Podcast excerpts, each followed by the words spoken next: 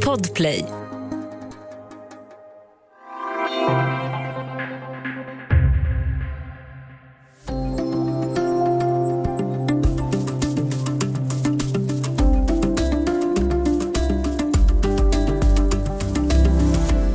Välkomna till vår podd denna långfredag då vi tänkte bjuda på tips om påskens filmer och serier för hela familjen. Ja, om ni inte är inställda på att ha en riktigt tråkig och sorglig långfredag förstås. Det här är Studio DN. Jag heter Aminata Grutt.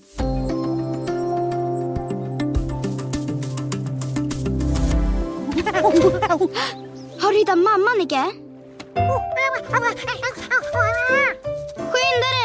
Ägget kan bli för varmt. Har du hittat ett ägg? Får vi se det? Ja, det är påsk. Många är lediga och många är med sin familj och vi tänkte att kanske inte alla vill följa den kristna traditionen och ha det riktigt tråkigt just idag. Därför har vi med oss Helena Lindblad, filmkritiker på DN Kultur och redaktör för Filmfredag. Välkommen! Tack! Tänker du ha tråkigt på långfredagen?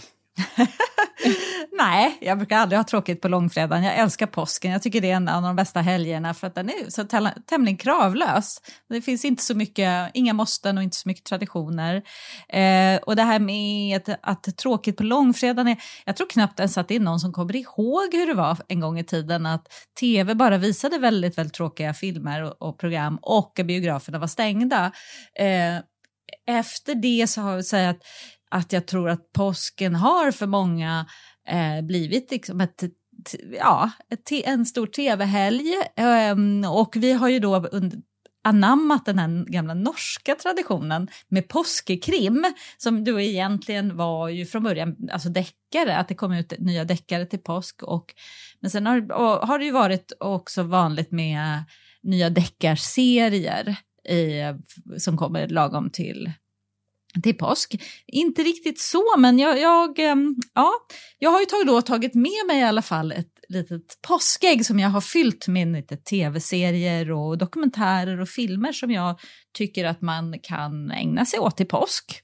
Men du, får jag börja med att fråga dig ändå, har du några familjetips till eh, de som lyssnar? Ja, Nej, men det man, man, kan säga bara om man bara tänker tillbaka lite på den här traditionen så, alltså det är klart att det finns ju liksom, traditionella påskfilmer, om man vill se Jesus lida så finns det ju då alltså Scorseses Kristi sista frestelse, ni vet de här klassikerna, The Passion of the Christ, Pasolinis Matteus i evangeliet som mm. De finns lättillgängliga. Om man säger om jag skulle ta tre filmer med lite, lite så löst påsktema i alla fall, eh, påskharetema för eh, eh, familjer så skulle jag för lite mindre barn så skulle jag välja gamla Wallace and Gromit, den eh, underbara barnfilmen, den här som heter Varulvskaninens förbannelse är väldigt rolig. Oj, det låter ju jättespännande. Varulvskaniner, ja. finns det sådana? Ja. För lite större barn kanske jag skulle titta på Tim Burtons Alice i Underlandet, eh, den, den, från um, tio år gamla som är väldigt fantasifull och den har ju också, ni vet Alice följer ju en, en kanin som, och, och hamnar i underlandet genom ett kaninhål. Och sen med, med, större ungdomar som är lite mer hårdhudade så skulle jag, nog kanske ta gamla se eller se om eh, Donnie Darko med Jake Gyllenhaal som kanske har den mest infernaliska påskharen i filmhistorien. Ja, har, finns det något annat som det har blivit tradition att titta på under påsken? Du pratade ju om eh, påskekrim här. Nej, men jag, jag tror att just äh, deckare är... Äh, tror jag, många känner att det är lite tradition att just se deckare faktiskt, och kanske gärna brittiska deckare. Och det har jag också då med mig i mitt påskägg. Ja, hur ser trenden ut där då? Berätta, vad finns det att titta på?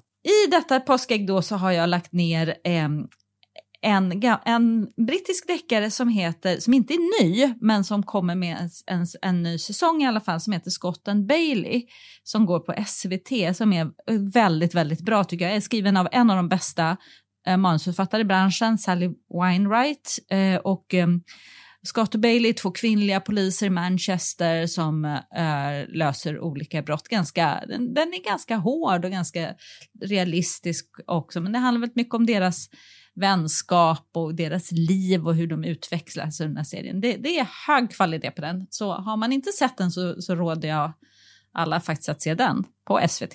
Då. Mm. Det är flera säsonger där, eller det är, det är en serie helt enkelt? Ja, det här är, SVT sänder då faktiskt säsong 1 till 5. Så att man kan verkligen eh, sträcktitta på denna. Eh, men jag tycker också faktiskt att om man inte har hunnit börja på den svenska serien Snöänglar så är det, eh, eh, så är det ju många som tycker att det är en av de bästa serierna, svenska serierna som har kommit på länge. Den är väldigt, också ganska realistisk, den är väldigt otäck. Det handlar om ett par som har en liten fem veckors bebis som plötsligt försvinner. Och eh, det handlar om ja, det här försvinnandet, det är, ett, det är ett mysterium men det handlar också om utanförskap och väldigt så här, välspelad och, och ganska liksom, tung men ändå intressant. True crime är den eh, kategoriserad som. Vad innebär det egentligen? Då, true crime? Alltså det här är inte true crime utan det här är fiction. Däremot true crime så, så skulle jag rekommendera om man, om man inte har tröttnat på Knutby eller tror att man är trött på Knutby så ska man ändå se Knutby den nya dokumentären Knutby i, i blind tro som på HBO. Så svenska journalister som har gått tillbaka och det, det kommer faktiskt en hel, en hel del nya grejer för de som är intresserade av detta mest bisarra eh, vad ska man säga, krimdrama i svensk historia. Mm. Och det är en dokumentär, det är inte en serie utan en dokumentär? Ja, nej. Det är en dokumentärserie om sex timmar, okay. en timmes avsnitt. Den är ganska lång. Men äh, den, det är lite Kalle Blomqvist-känsla på, på vissa ställen. Men det är ändå, om man är intresserad som sagt så, så öppnar det sig faktiskt nya äh, sätt att se på det här dramat. Och intervjuer, alltså polisutredningen, nagelfars och ses på ett nytt sätt. Och, äh, det, det blir ändå väldigt spännande. Ja, eh, lång men värd att se helt enkelt. Vi är alldeles strax tillbaka med fler tips.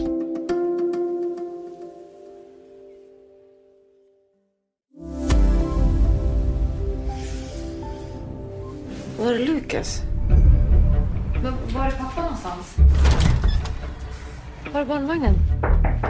Nom, Huper, avec un H, deux P et un T. Prénom, Isabelle. Profession, comédienne. Knock knock. Who's there? Now you're dead. Ja, vi pratar påskfilm med DNs filmkritiker Helena Lindblad och här hörde vi några klipp ur olika filmer. Bland annat hörde vi Isabelle Huppert stava sitt namn på, franska, en av fransk films stora skådisar. Eh, kan vi se mycket av just eh, Isabelle Huppert nu i påsk? Ja, faktiskt. Det, om vi återgår lite till SVT så, så dels så generellt kan man säga att de har lagt ut väldigt mycket bra film över påsken. Bland annat ett antal Oscarsvinnare som kan vara roliga att se.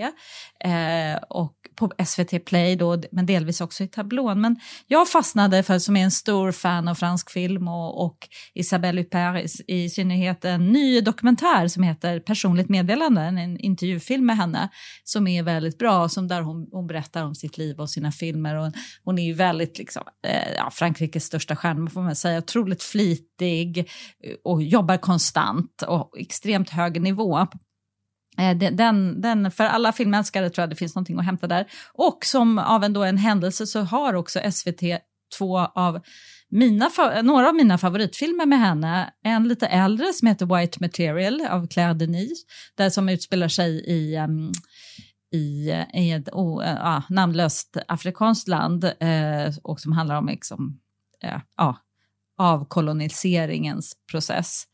Och sen så är det en ganska lite nyare film som heter Dagen efter denna, eh, också en kvinnlig regissör.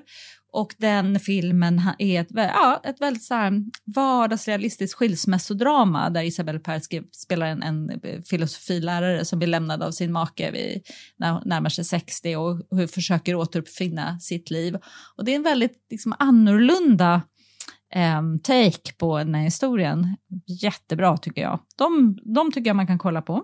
Mm. Sen om man nu vill ha det lite roligt, kanske till och med på eventuellt långfredagen, så skulle jag föreslå eh, den israeliska serien Stiesel som ju precis har kommit med sin tredje säsong som, som jag vet att många gillar. Den utspelar sig i den ultraortodoxa Jerusalem. Ehm, en, en väldigt varm och äh, det, det, det, låter faktiskt konstigt men det är verkligen feelgood att gå in och man går helt in i den här miljön och de här människorna och deras relationer och deras eh, glädjer och sorg. Eh, den är underbar, den rekommenderar jag.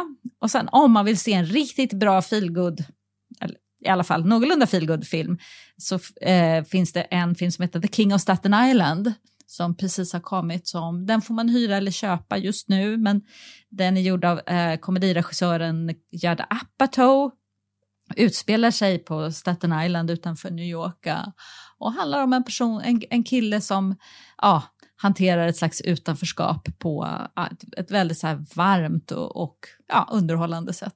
Okej, Ja, har du några personliga favoriter? Ja, du kanske redan har sagt det i och för sig, men säg det gärna igen. Några personliga som du tänker titta på och som du inte har tittat på kanske, eller något mer du är nyfiken på eller vill se om eller ja.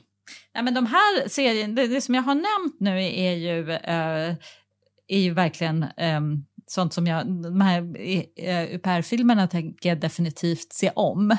Um, nej, men sen tänker jag faktiskt att det verkligen ska eh, gå igenom SVTs uh, eh, uh, eh, påskfilmssatsning som är riktigt imponerande. Um, och jag tycker att det är bra, alltså, det känns som att må, det, det finns nu när också, för, eftersom det för många kommer ju påsken vara en ganska ensam historia, i alla fall en historia med ganska få personer inblandade, så då finns det ju verkligen tillfälle att titta på mycket. Mm. Ja, det är alltså pandemi och påsk, en lång helg. Det kan ju bli en väldigt jobbig kombination om man nu eh, kanske måste hålla sig isolerad eller man inte har en familj att umgås med. Men jag har en, en jag, om, ni, om ni känner att inte det här riktigt räckte med de här serierna så kommer jag på faktiskt en serie som jag skulle ha pratat om som heter eh, The Serpent på okay. Netflix. Uh, och den, den, är också true crime faktiskt. Det passar ju bra in i det här temat. Den handlar om en, en fransk seriemördare, helt uh, verkligt, alltså som fortfarande faktiskt lever och som uh, hängde i Bangkok på 70-talet och tog livet av ryggsäcksturister. Alltså han kallas för hippiemördaren. Han tog, snod, eh, mördade dem och snodde deras eh, resecheckar och levde livets glada dagar med sin en chica hustru. Eh, och det här är en eh, just när man inte kan resa, så det är väldigt mycket, den är inte jättedjup eh, men ytan är fantastisk och miljöerna är helt storslagna. Alltså det är verkligen som att åka ner till Sydostasien, och Bangkok och eh, Thailand och Vietnam och Indien och lite överallt. Um, väldigt färgstark och så fruktansvärt spännande. Jag satt ja. helt uh, så här vet jag, ibland var jag nästan tvungen att stänga av för att det blev för spännande. ja, men den, uh, The Serpent helt enkelt, med en fransk regissör som heter Tahar Rahim som är en, en stor stjärna i huvudrollen. Ja. Ja, men det låter ju jättebra att det faktiskt finns eh, denna tanke hos SVT då, som dessutom är gratis att titta på. Det är ju positivt. Ja, precis. Mm. Ja, tack så jättemycket för att du var med i podden, Helena. Ja, tack, tack. Och glad påsk! Ja, glad påsk på dig och på allihopa som lyssnar. Studio DN görs för Podplay av producent Madeleine Longo, exekutiv producent Augustin Erba, ljudtekniker Patrik Miesenberger, teknik Oliver Bergman, Bauer Media och jag heter Aminata Grutt.